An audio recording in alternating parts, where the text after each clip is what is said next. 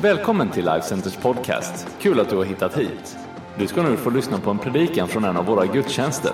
Du är alltid välkommen att besöka Life Center. All information du behöver hittar du på lifecenter.se. Idag tänkte jag faktiskt tala om någonting som nästan då går i tema med, med den här härliga lilla introduktionen som eh, vårt band stod för här med One och, och eh, eh, jag ska tala idag om att leva för en sak. Att leva för en sak. Eh, det här med liksom the main thing. Keep the main thing the main thing.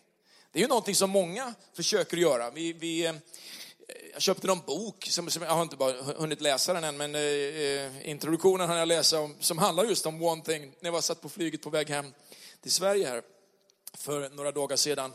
Eh, eh det är oerhört viktigt, liksom, det här med att ha en sak att leva för. Eh, och eh, jag hörde en ganska kul story. Vet, läkare, de, de eh, är ju hela tiden liksom ute efter att hitta vad är problemet? Vad är det egentligen det handlar om?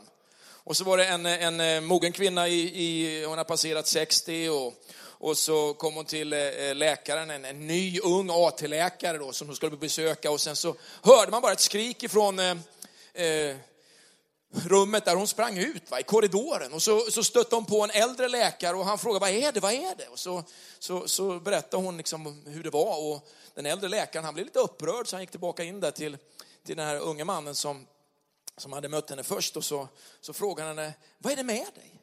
Alltså den här kvinnan, hon är en mogen kvinna, hon har, hon har tre barn och hon har nio barnbarn. Och, och så säger du till henne att hon är med barn. Grejen var att hon hade kommit in och sagt att hon hade en allvarlig hicka som hon hade haft i sju dagar och mannen han svarade, den unge killen svarade så, men det botar i alla fall hennes hicka, eller hur? Mm. Ja visst, precis så. Ja, Okej. Okay. Det tar lite tid för några stycken här då, men, men, men eh, what's the main thing? Nu är det en del av er som är, är i de där faggorna där som ska inte vara nervösa nu utan eh, allt har sin tid som det står i Guds ord. Men hela mitt liv har jag glatt mig över många saker. Att, att, att jag har tyckt att livet har varit härligt. Va? Att få göra massa olika grejer. Och, och no, jag kan nog säga att jag har känt mig många gånger som en, ett sånt där multiverktyg va? i Guds verktygslåda. Att man, man kanske kan mycket om mycket, men man kanske inte är bäst på bara en grej. Och många gånger har jag varit avundsjuk av den som har kunnat fokusera så mycket på en sak. Så att man har blivit bäst på en sak. Man brukar säga att det tar 10 000 timmar för att bli, bli expert på ett område. Eh, att bli en bra violinist eller gitarrist, va? Det, det tar 10 000 timmar att bli en mästare. Va? Och det är tid som gäller. Nu kanske jag då kan börja liksom addera ihop lite saker i mitt liv att vara pastor som kanske går i de här äh, termerna av att ja, jag har varit det faktiskt i över 30 år och det finns saker jag ser och saker jag kan eh, som jag inte kunde när jag var 25 år.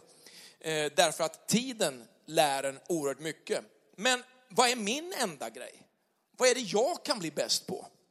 När jag lyssnade på eh, John Maxwell, Ulrika och jag var på en konferens här eh, när vi var lediga och eh, eh, lyssnade på lite härliga vänner och bekanta och, och, och, och, gjorde lite ärenden. Och då sa han så här att han, han, han var ute efter liksom att verkligen bara koka ner, att göra några få saker. Och jag tyckte det var väldigt intressant att höra hur han fokuserade sitt liv på bara några få saker för att kunna bli riktigt bra på dem. Och jag tänkte, det skulle jag ju vilja göra mer än vad jag gör. Och, och, och, jag tror att det ligger oerhört mycket i det där.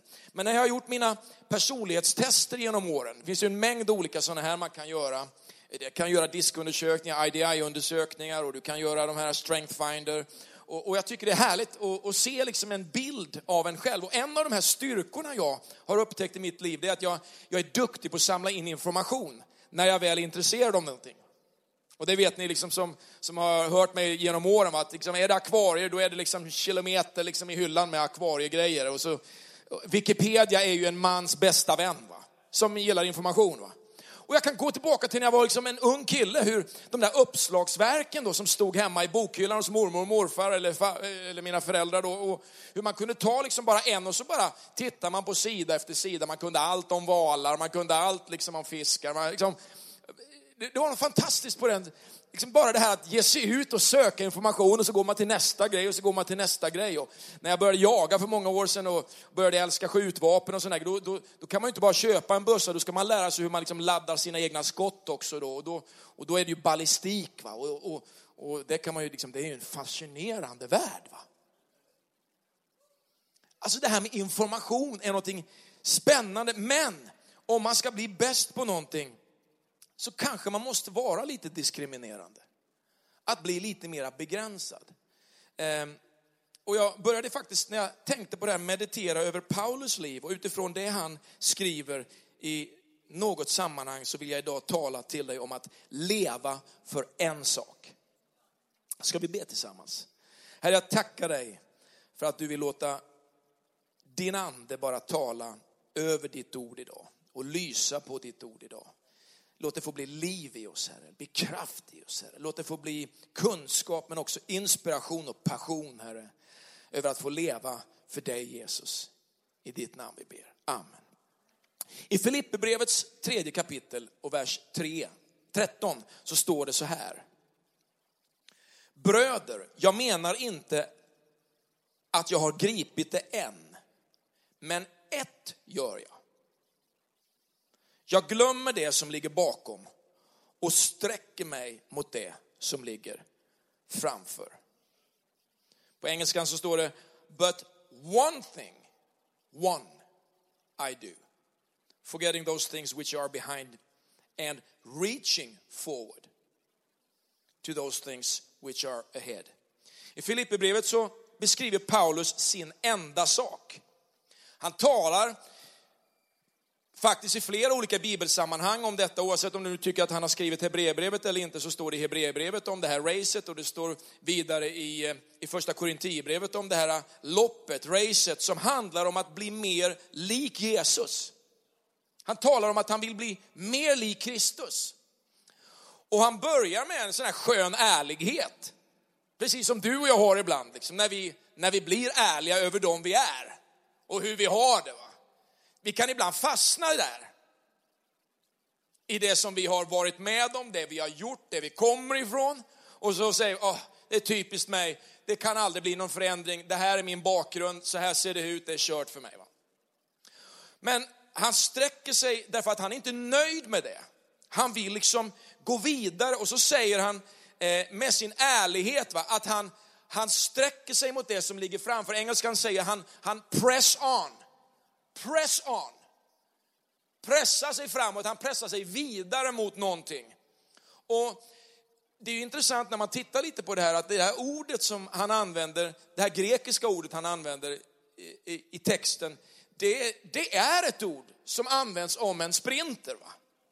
Om en löpare på en kort sträcka, en sprinter.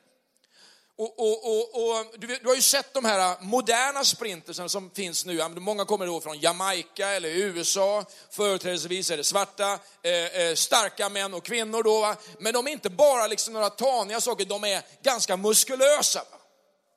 Och de, liksom, de, de, de, de pressar sig på något sätt igenom det motstånd som finns både fysikaliskt men också liksom utanför dem på något sätt fram igenom det lopp som de eh, löper. Och ordet som Paulus använder, det är alltså ett ord som används om en aggressiv, energifylld rörelse. Det är inte liksom någon laid back tillvaro, utan det är någonting som är fyllt av energi. Va? Det är fyllt liksom av, av, av kraft framåt. Och så tänker jag på mitt liv ibland när man har då levt i det förflutna. Det ger ingen energi framåt, va? eller hur? Det drar mig bara bakåt. Det får mig liksom att liksom sega till. Det får mig liksom att bli luddig. Det får mig, jag talar inte om tillförsikt i Gud. Jag talar inte om vilan i Gud, för det är någonting annat. Att kunna vila i Gud är för mig en trygghet. Eh, men det här är någonting annat som drar mig bakåt. Det är någonting som inte är fyllt av energi, någonting som inte handlar om att jag ska nå fram till det Gud har kallat mig att vara med om. Det handlar inte om någonting som handlar om att prestera kristet liv. Det handlar inte om att prestera, liksom att duga inför Gud. Det är någonting annat. Utan han talar om att det finns liksom en rörelse framåt som får dig faktiskt att lämna det som hindrar dig att nå fram till allt det som Gud har lovat dig. Att sträcka dig efter det som är Guds löften i ditt liv. Att leva i det som är Guds godhet, Guds glädje och det som är Guds trygghet och vila i att han alltid, alltid är för dig. Du vet, eh, Paulus, han strävar efter någonting, han sträcker sig mot någonting och då är det ganska viktigt att veta, om vi säger då att han ska han strävar efter att bli mer och mer lik Jesus. Det finns ett annat ord som vi brukar använda, som också Paulus använder, som handlar om, eh, eh som heter helgelse. Att vara mer överlåten eller bli mer lik Jesus Kristus, mer fylld av honom med all styrka. Så verkar det som att han spänner sina andliga muskler för att sträcka sig fram mot någonting som handlar om att vinna det här priset.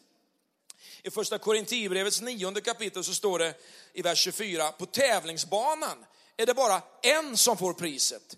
Spring då så att ni vinner. Alltså vi springer inte för att vi inte ska vinna, va? utan vi springer för att vi ska vinna. Och Romarbrevet 8 som också Paulus har skrivit om, talar han om att vi är, vi är mer än övervinnare, står det i en översättning. Vi är redan nu mer än övervinnare genom honom som har älskat oss. Va? Så i Kristus Jesus så är du en vinnare. Va? Jag tycker det är jättehärligt. Va? Att få vara en vinnare i Jesus Kristus och i det jag är i Jesus Kristus så får jag sträcka mig efter det som ligger framför mig. Han säger i första Timoteusbrevet till en ung ledare i kapitel 6 och vers 12 att kämpa trons goda kamp. Är det någon som har upplevt att det kan finnas en kamp omkring det kristna livet? Ett kamp för tron. Va? Ett kamp för liksom att, alltså att fortsätta våga tro på att det Gud sagt gäller. Att våga tro på att det som är Guds löften gäller dig och ditt liv och din, din situation som du befinner dig i, din familj, ditt jobb, dina barn, det som är drömmarna i ditt liv. Och, och, och det behöver man kämpa för, kämpa för trons goda kamp. Att det Gud har sagt om dig, det han har skapat i dig, det är också någonting som du ska nå fram till. Så säger han liksom, sök vinna det eviga livet som du blev kallad till. Alltså det finns någonting i trons goda kamp. Va? Som handlar inte bara om här och nu, utan handlar också om sen. Va? Men det är här och nu vi kämpar trons goda kamp för att vi ska nå fram till någonting där borta som han har lovat oss. Det finns många, många gånger liksom när man läser olika såna ledarskapslitteratur, Stephen Covey är en som, som har skrivit många böcker om eh, The Seven Habits till exempel. Va? Han talar ofta om att vi ska, vi, ska, vi ska börja i slutet. Och utifrån slutet så ska vi jobba oss fram i nuet till det som kommer. Om du tänker, ja men vad vill du nå fram till med ditt liv? Alltså, vi säger när vi talar om att, att hitta liksom en verklig manlighet i vår värld, att vi jobbar för en uppskjuten belöning. Man jobbar först, man får lön sen. Man pluggar nu, får ett bättre jobb sen. Är du med? Man investerar i sin familj nu så får man skörda liksom eh, frukten så småningom då. Ebba. Härligt. Bebis i september. Det krävde en insats och det kommer bli ännu mer insats på det. Glädjefullt, absolut. Och det kommer bli ännu mer glädje när barnen kommer. Då. Men det kommer att kräva en insats. Och det är en väldig glädje va? när man på något sätt då får drömma om det som ska komma. Va? Men jag måste jobba mig fram till den där familjen på något sätt som jag längtar efter och jag vill bygga. Det Paulus vill gripa tag i är det som har gripit honom. Där han säger på något sätt att när han då vill gripa efter någonting så handlar det om att han vill göra något till sitt. Många kristna de lever liksom i en värld där man, man vill gärna ha allt det här, men det, det, det tillhör andra. Va? Eller det är för andra, eller det kan liksom inte vara mitt. Va? Men om det ska bli verkligt för dig så måste du göra tron till din tro.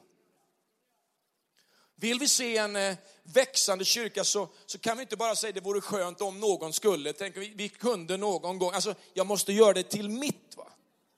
Jag måste liksom vara en del av den familj som Gud har kallat mig att vara en del av genom att vara en närvarande människa i den familjen som han har kallat mig att vara närvarande i. Va?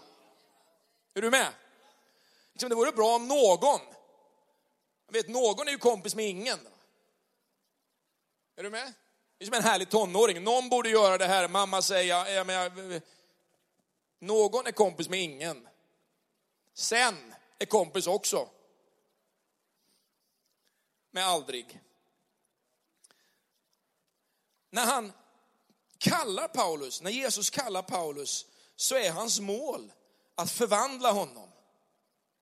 När Jesus kallar dig så är Jesus mål att förvandla dig. Du ska bli lik honom. Och det är det målet som Paulus löper efter. Jag ska försöka förklara detta lite mera praktiskt för dig. Men vet, Gud, står i Romarbrevet 8 och 29, han har bestämt någonting om dig. Här kommer det upp på skärmen, tror jag. Romarbrevet 8 och vers 29. Och gör det inte det så, så kan du lyssna här nu. Gud har förutbestämt oss, står det, till att formas efter hans sons bild. Så hur blir man en bättre människa? Ja, man blir en bättre människa genom att hänga med Jesus. Men Gud har också förutbestämt om dig, hans längtan, hans drive är att du ska bli mer lik honom. Ehm, när Paulus då talar om sitt enda, eller det enda han gör, eller ett göre, eller this one thing I do, då har han på något sätt kokat ner alltihopa. Han har reducerat liksom såsen va, ner till liksom det här mest kraftfulla. Va. Hela processen till en enda sak. Han lever sitt liv för en enda sak va? Och det är att bli mer lik Jesus. Och det här innebär att han är tvungen att göra någonting. Det första han behöver göra är att han behöver lämna det som ligger bakom. Vet, Paulus hade ju levt ett liv helt hängiven till det som han trodde var rätt, va? men som var helt fel. Att förfölja de kristna. Va? Och så blir han en av dem. Han var tvungen att lämna sitt gamla. Han var tvungen att lämna liksom erfarenheten som handlar om att han hade stått där när man hade mördat Stefanos, va? hållit kläderna på de som kastade stenarna när de stenade honom. Han som såg sig själv som den största av syndare, han var tvungen att lämna det och kliva in i någonting annat för att inte det skulle binda honom eller hålla honom eh, eh, fast i sitt förflutna. Det finns många av oss här som var tvungna att lämna vårt förflutna för att nå fram till det som Gud har ämnat för våra liv. Många människor tycker synd om sig själva väldigt länge i livet. Och det man gör är att man fiskar hela tiden i det mest förbjudna fiskevattnet som finns. Va? Och det är glömskans hav.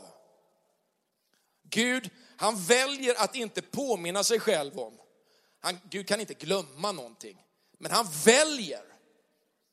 Han väljer i Jesus Kristus att se liksom på vår historia genom Jesus Kristus och det är förbi. Va? Och om han väljer det, ska inte du hålla på och fiska i ditt förflutna. Du måste lämna det förflutna. Du måste lämna dina sår. Du måste lämna det andra har gjort mot dig. Du kanske till och med måste lämna allt duktigt du har hållit på med. En del människor är ju så präktiga i kyrkan så man tror ju, att de, jag tror ju nästan liksom att de är, ja.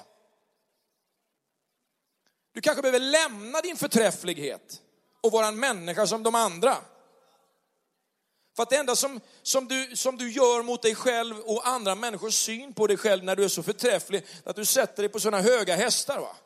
Att människor tycker du bara är en jobbig typ. Det går inte att umgås med den personen, det är så förträfflig så att allting, oh, allting är Gud, halleluja, och, och, och, och, och konstig liksom andlighet. Va? Det får gärna vara Gud, halleluja, absolut. Men, men, men det får inte vara på ett sådant sätt att det rackar ner andra människor. Oh, om du var så andlig som jag så skulle du minsann kunna se det här. Ser du inte, förstår du inte? Uh. Det blir bara spooky va? Lämna ditt förflutna, leva i nuet för att sträcka dig mot det som ligger framför. Inte distraheras av gamla segrar och gamla nederlag. Lev här och nu. Men det andra är att du behöver leva för ett mål. Att bli mer lik Jesus och sträva efter någon form av slutdestination. Vi talar inte så mycket i, i vår tid om himlen, va? men himlen kommer, det kan jag lova dig. Och ju äldre man blir, desto närmare kommer himlen. Men du vet, vi är inga förlorare, vi som ska gå till himlen. Den människa som dör och går med Jesus va, är ju ingen loser. Va? Han är en vinnare. Man kommer aldrig tvåa med Jesus. Så när liksom vi dör och vi, vi, vi, vi lämnar den här världen för att gå in i nästa värld, den himmelska världen, då är vi vinnare. Va? Där finns segerkransen som väntar på oss. Där vi ska få igen för våra gärningar också. Vet du. Vi ska få lön för mödan. Och så sjunger vi gamla sånger som jag kan citera men ingen annan då utom några, fem stycken här. Va? Ska det bli några stjärnor i kronan jag får när jag avlagt min jordiska skrud. Va? Det är Magnus och jag, min, min svåger som sjunger dem där när vi sitter. Vi är ungefär som eh, Hasse Aro och eh, Leif GW när de sitter sådär och sjunger på sina fester. Då sjunger de frälsningssånger brukar de säga. Och eh, där kan man ju undra var det kommer ifrån. Det kom någonstans ifrån. Därför att himlen drar i alla människor. Och vi har en trygghet inför det som kommer. Så när vi lever för ett mål och en slutdestination så, så är det något underbart. Paulus säger inte att han är perfekt. Han är inte perfekt. Utan han, han, han, han press on för att nå fram till det som Gud har kallat honom till. Och han nöjer sig inte med ett mediokert liv. Allt för många människor nöjer sig med ett mediokert liv. Men Gud vill att du ska leva ett fantastiskt liv. Och det är någonting som Gud har för dig. Och det mesta av den här fighten, den står i våra sinnen. Va? För den säger, sinnet säger så här, ge upp, lägg ned, sov lite längre, du behöver inte. Men Guds ord säger att vi faktiskt kan press on för någonting underbart som ligger framöver. Så att hitta den här enda saken är viktig. Va? Det här med ett är viktigt i Bibeln. Jag har inte predikat på så länge så jag måste ta med klockan här så att jag, jag håller mer koll än något annat här. Ehm, därför att så mycket relativa saker tar över i våran tid. Det är inte liksom så här att, att man alltid säger att det finns ett absolut i vår tid, utan många säger att det beror, på, var och en blir salig på sin egen tro. Men det är inte sant. Bibeln säger att Gud är en. Bibeln säger att eh, att eh, det inte finns något delat, ingenting oklart med Gud. Det finns liksom en Gud. Det finns en frälsare. Det finns en helig ande, det finns en bibel. Gud är en. Han, han är också våran passion. Va? Vi har ett mål, vi har inte flera mål, vi har ett mål. Va? Himlen. Va? Det, är inte, vi inte, vi, det finns tre himlar, du får välja vilken du vill. Det finns många rum i himlen, står det. Och som tanten sa när hon inte tyckte om musiken jag spelade liksom när jag var 16 år, hon sa, ja det finns möjligen en himmel men det finns många rum och jag ska inte vara i ditt rum, sa hon. Det var ett här församlingsmöte vi hade och det handlade om volymen och sådana här grejer. Redan på den tiden handlade det om volymen i PJs liv. Och jag stod där och sa, vi ska ju alla till himlen, vi kan vi inte förbereda oss redan nu? Ja, vi ska dit men jag ska inte vara i ditt rum, sa hon bara. Det var en skön tant. Ja. Eh. Att få vara så här single-minded, va? Alltså att leva för skatten. Jesus han gör massa liknelser, man, man, han säljer allt för att liksom kunna köpa skatten. Att hitta det livet, att nå fram till det eviga livet. Du vet, Guds ord talar om ett folk. Vi är ett folk som hör ihop. Det finns en himmelsk stad. Det finns ett folk som är kallade till enhet. Va? Vi ska leva liksom i endräkt, ett gammalt ord, en dräkt, alltså man får plats i samma dräkt. Va? Enhet. I Johannes 17 så ber Jesus att de alla ska bli ett och att liksom du fader är i mig och jag i dig också de ska vara i oss. Då ska världen förstå eller tro på att du har sänt mig. I Filipperbrevet 1 så, så talar Paulus till den första kyrkan och så säger han så här att han vill att vi ska leva på ett sätt som är värdigt Kristi evangelium, eh, oavsett om han kommer dit eller inte. Alltså han, han, han, är inte där, men han ska komma och besöka dem. Va? Och att de ska liksom leva värdigt. Men så säger han också, låt mig få höra om att ni står fasta i samma ande, i samma sinne och kämpar för tron på evangelium. Det är därför vi har en vision. Va? Vi har inte en massa olika, vi, har en vision. Vi jobbar för en sak i Life Center. Ja men de gör så, och de gör så, ja men här gör vi så här. Ett hjärta, en själ. Du Vet, en fru är bra. Det är mycket bra att ha en fru. Det står om församlingsledare, en enda kvinnas man. Alltså man, ska, man ska hålla sig till sin. Att vara en far. Alltså att, att ha en unik roll. Va? Min, min son han har inte massa pappor. Han har en pappa. va. Det är något fantastiskt att vara en pappa. Det här förbundet som, som Gud upprättar med människan. Vet, han upprättar ju två förbund väldigt tydligt med oss som troende. Va? Det är det nya förbundet genom Jesus Kristus. Men sen när vi gifter oss till exempel, då kommer nästa in. Va? Ett förbund. Va? Gud och två människor. Ett förbund. Det är de enda två kontrakten, förbunden, som vi egentligen behöver kliva in i. Förbundet med Jesus Kristus, frälsningen och förbundet när vi väljer att leva våra liv tillsammans med varandra.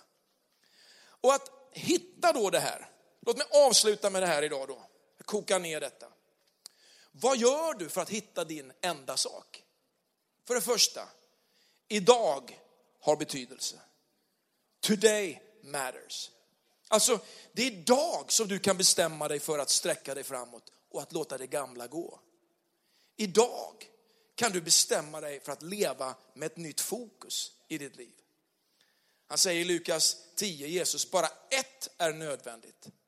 Det var hans två systrar som kom till Jesus och den ena höll på och röjde med alla möjliga prylar men den ena ville sitta ner och lyssna på vad Jesus verkligen hade att säga, hänga med honom. Och så säger han, ett är nödvändigt. Maria har valt den goda delen och den ska inte tas ifrån henne. Alltså att vara där han är. Att lyssna på honom, att välja det bästa omkring Jesus. Det är inte liksom allt det här runt omkring. Att verkligen komma in till kärnan, det är Jesus det handlar om. Du har också bara ett liv. I predikan så, så står det talas om att man, vi har bara en ande, eller ett liv. Alla har samma livsande, står det i den svenska texten. Både djuren och människorna, alla en livsande. Va?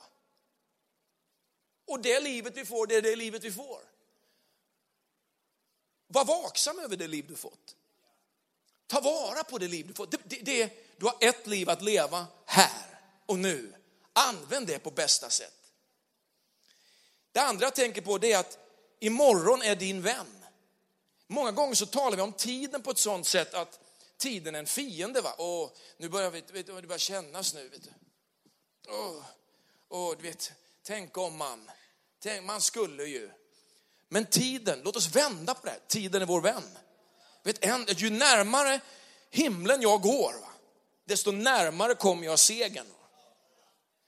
Men vi ibland talar på ett sånt sätt att ju äldre vi blir, desto längre bort ifrån segern kommer vi. För att vi tyckte det var så härligt att vara 22, va? Det tyckte jag. Och 32 var väl lite tuffare. Men vet, man har en sån här livskurva så kanske det var lite, lite i botten för mig. Sen har det bara gått upp för det och det kommer bara fortsätta. Men, men du vet att ju längre jag lever, va? desto närmare slutdestinationen når jag. Tiden är min vän, tiden är inte min fiende. Låt oss vända på tänket. Tiden är din vän. Bara be ut en sån tanke. Tiden är din vän. Tiden går oavsett om du tycker om det eller inte. Varför inte göra den till din vän istället? En del har ju tänkt, ja men skinnet det börjar bli lite skrumpnare nu än vad det var förr. Hallå? Det händer oss allihopa. Låt oss omfamna det istället och säga bara, jag ska bli världens bästa 62, 72, 82 och 92-åring. Och vi har massa härliga exempel på det i vår kyrka. Hallå? Och det sköna med detta vet du, det är att min syn försämras också i takt lite med åren. Så att Ulrika hon ser likadan ut som hon gjorde när hon var 22. Vet du. I alla fall när jag tar med glasögonen. Va? Och du vet, det är ju då vi eh, är närmast varandra när vi vaknar upp på morgonen. Så, oh. Hej honey, 22. Tiden är din vän. Kanske innebär det att du ska tillbringa lite mer tid i morgon. Jag säger som att den här sommaren spendera lite mer tid i vad som kommer. Börja tänka på vad, vart är du på väg? Att, ref, att faktiskt medvetet börja reflektera lite mer i vart är du på väg med livet? Och att låta tiden bli din vän att nå fram till det. Du kan inte göra någonting åt gårdagen, men du kan ta beslut idag som hjälper dig i morgondagen. Tiden är din vän. Det är Jesus du tjänar. Han är ditt enda mål. Han vill leda de beslut du fattar. Tiden vill hjälpa dig att fatta bra beslut. Har du fattat dåliga beslut där, låt de dåliga besluten hjälpa dig att inte fatta sådana beslut igen. Tiden är din vän. Mina segrar i livet och mina nederlag, jag skulle inte vilja vara ja, en del av mina nederlag skulle jag vilja vara utan, men jag vet att de har gjort någonting i mitt liv som har fått mina värderingar att bli de jag är idag. Till och med det svåraste jag gått igenom är en styrka för mig idag. För dit vill jag inte gå igen. Och det har gjort mig till den jag är. Både det jag själv har bidragit till och det andra har bidragit till. Att vara där Jesus är engagerar mig. Låt det engagera dig. Det tredje, det är det här. tiden är på din sida. Inte bara att morgon är din vän, utan att tiden är på din sida. Alltså det finns en frukt av varje gott träd. Va? Varje gott träd bär en frukt. Vad har gett ditt liv den bästa frukten? Men nu tidigare talade om att du behöver reflektera lite. Vad har du gjort i ditt liv som har gett dig den bästa frukten? Ibland när jag tänker tillbaka på det jag varit med om och ser svårigheter vi har mött som familj och som kyrka och vad det har drivit mig ner på mina knän att be till Gud, att fasta, att ropa till Gud, att stå fast i det han har lovat mig och de segrar det har producerat i mitt liv. För vi är här idag. Ulrika och jag är här idag. Vår familj är här idag. Det har funnits kamp om det, men vi är här idag. Då är ju de besluten som har drivit mig ner på knä, där vi har fått ropa till Gud, dag och natt under långa tider. Det är det som har producerat någonting som har fått oss att stå här idag. Gud vill göra det också i ditt liv. Omfamna faktiskt till och med de svåra tiderna och låt dem faktiskt visa dig vad som skapade den bästa frukten. Att leva i gårdagens misstag kommer inte hjälpa dig, men de kommer att kunna guida dig. Vet, segrarna ger dig faktiskt en underbar liksom, eh, trygghet. Men segrarna har också en färsk frukt. Va? Det finns en färsk frukt för dig idag. Vad för Gud dig in i nu? Vad kommer den här sommaren betyda för dig? Vilka grannar ska du fika med den här sommaren? Vilka människor ska du bjuda med dig in i ditt liv den här sommaren? Vilka, vilka nya människor ska ni koppla in i din connect-grupp? Vad ska ske liksom, den här sommaren när vi säger att alla är ute och umgås? Menar vi det? Eller är det bara ord? Är du med? Den här sommaren när du talar om att du ska ta tag i de här sakerna, i din trädgård men också i din hälsa. Men gör det. Låt det producera någonting. Den här tiden du vill tillbringa med att läsa lite mer eller be lite mer eller liksom ha mer tid i, i Guds ord. Men låt det göra det. När du ska ut och springa på morgonen, liksom, behöver inte ha en jetlag för att gå ut och springa på morgonen. Jag stod på, på golfbanan på första tio och slog ut kvart över fyra i torsdags morse för jag var helt vaken. Va? Kvart över fyra. Aldrig varit på en golfbana kvart över fyra. Men det är ju svensk sommar och midnattssol. Vet du.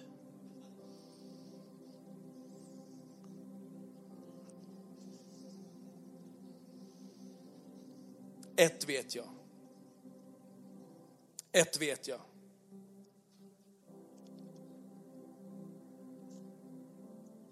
Om han är en syndare eller inte, det har jag inte så mycket om, men ett vet jag. Jag var blind, men nu kan jag se. Det finns en kunskap som Gud formar i ditt liv, som hjälper dig med ett fokus. Han säger till en annan man, ett saknar du, säger han. Gå och sälj allt du äger, kom sen och följ mig. Ett. Han gjorde inte det. En sak får du inte glömma. Gud är alltid god. Han är alltid för dig. Och han är den enda för dig. Och han säger så här, jag dröjer inte med att uppfylla mitt löfte. Som en del menar. Nej, jag har tålamod med er. Jag vill inte att någon ska gå förlorad, utan att alla ska få tid att omvända sig. En sak får ni inte glömma, det står i Hebreerbrevet, nej, för andra Petrus brev. Min vän, har du förstått att det finns ett fokus i ditt liv som Gud vill hjälpa dig med när han ger dig en fantastisk sommar, en fantastisk framtid. Ska vi ställa oss upp allesammans? Herre, jag bara tackar dig Herre för att vi får leva för en sak, vi får leva för dig. Vi får leva för det som du har kallat oss till Gud. Vi prisar dig Jesus Kristus för att din vilja alltid genom är sann, den är alltid god Herre. Jag tackar dig Herre för att vi kan glömma, vi kan lämna, vi kan släppa det som ligger bakom och vi kan få sträcka oss mot det som ligger framför Herre. Jag tackar dig för en säsong i våra liv Gud, där du verkligen vill bara lyfta upp någonting starkt för våra inre ögon Herre. Att vi får se Herre, att det som vi har gett våra liv för, det är också någonting som kommer att föra oss hela vägen hem till dig Jesus Kristus. Herre, jag bara tackar dig Herre, för att du möter varje människa som finns här den här morgonen. I Jesu välsignade namn. Jag ska strax bara sjunga tillsammans här, men jag vill bara ta tillfället i akt att be för dig.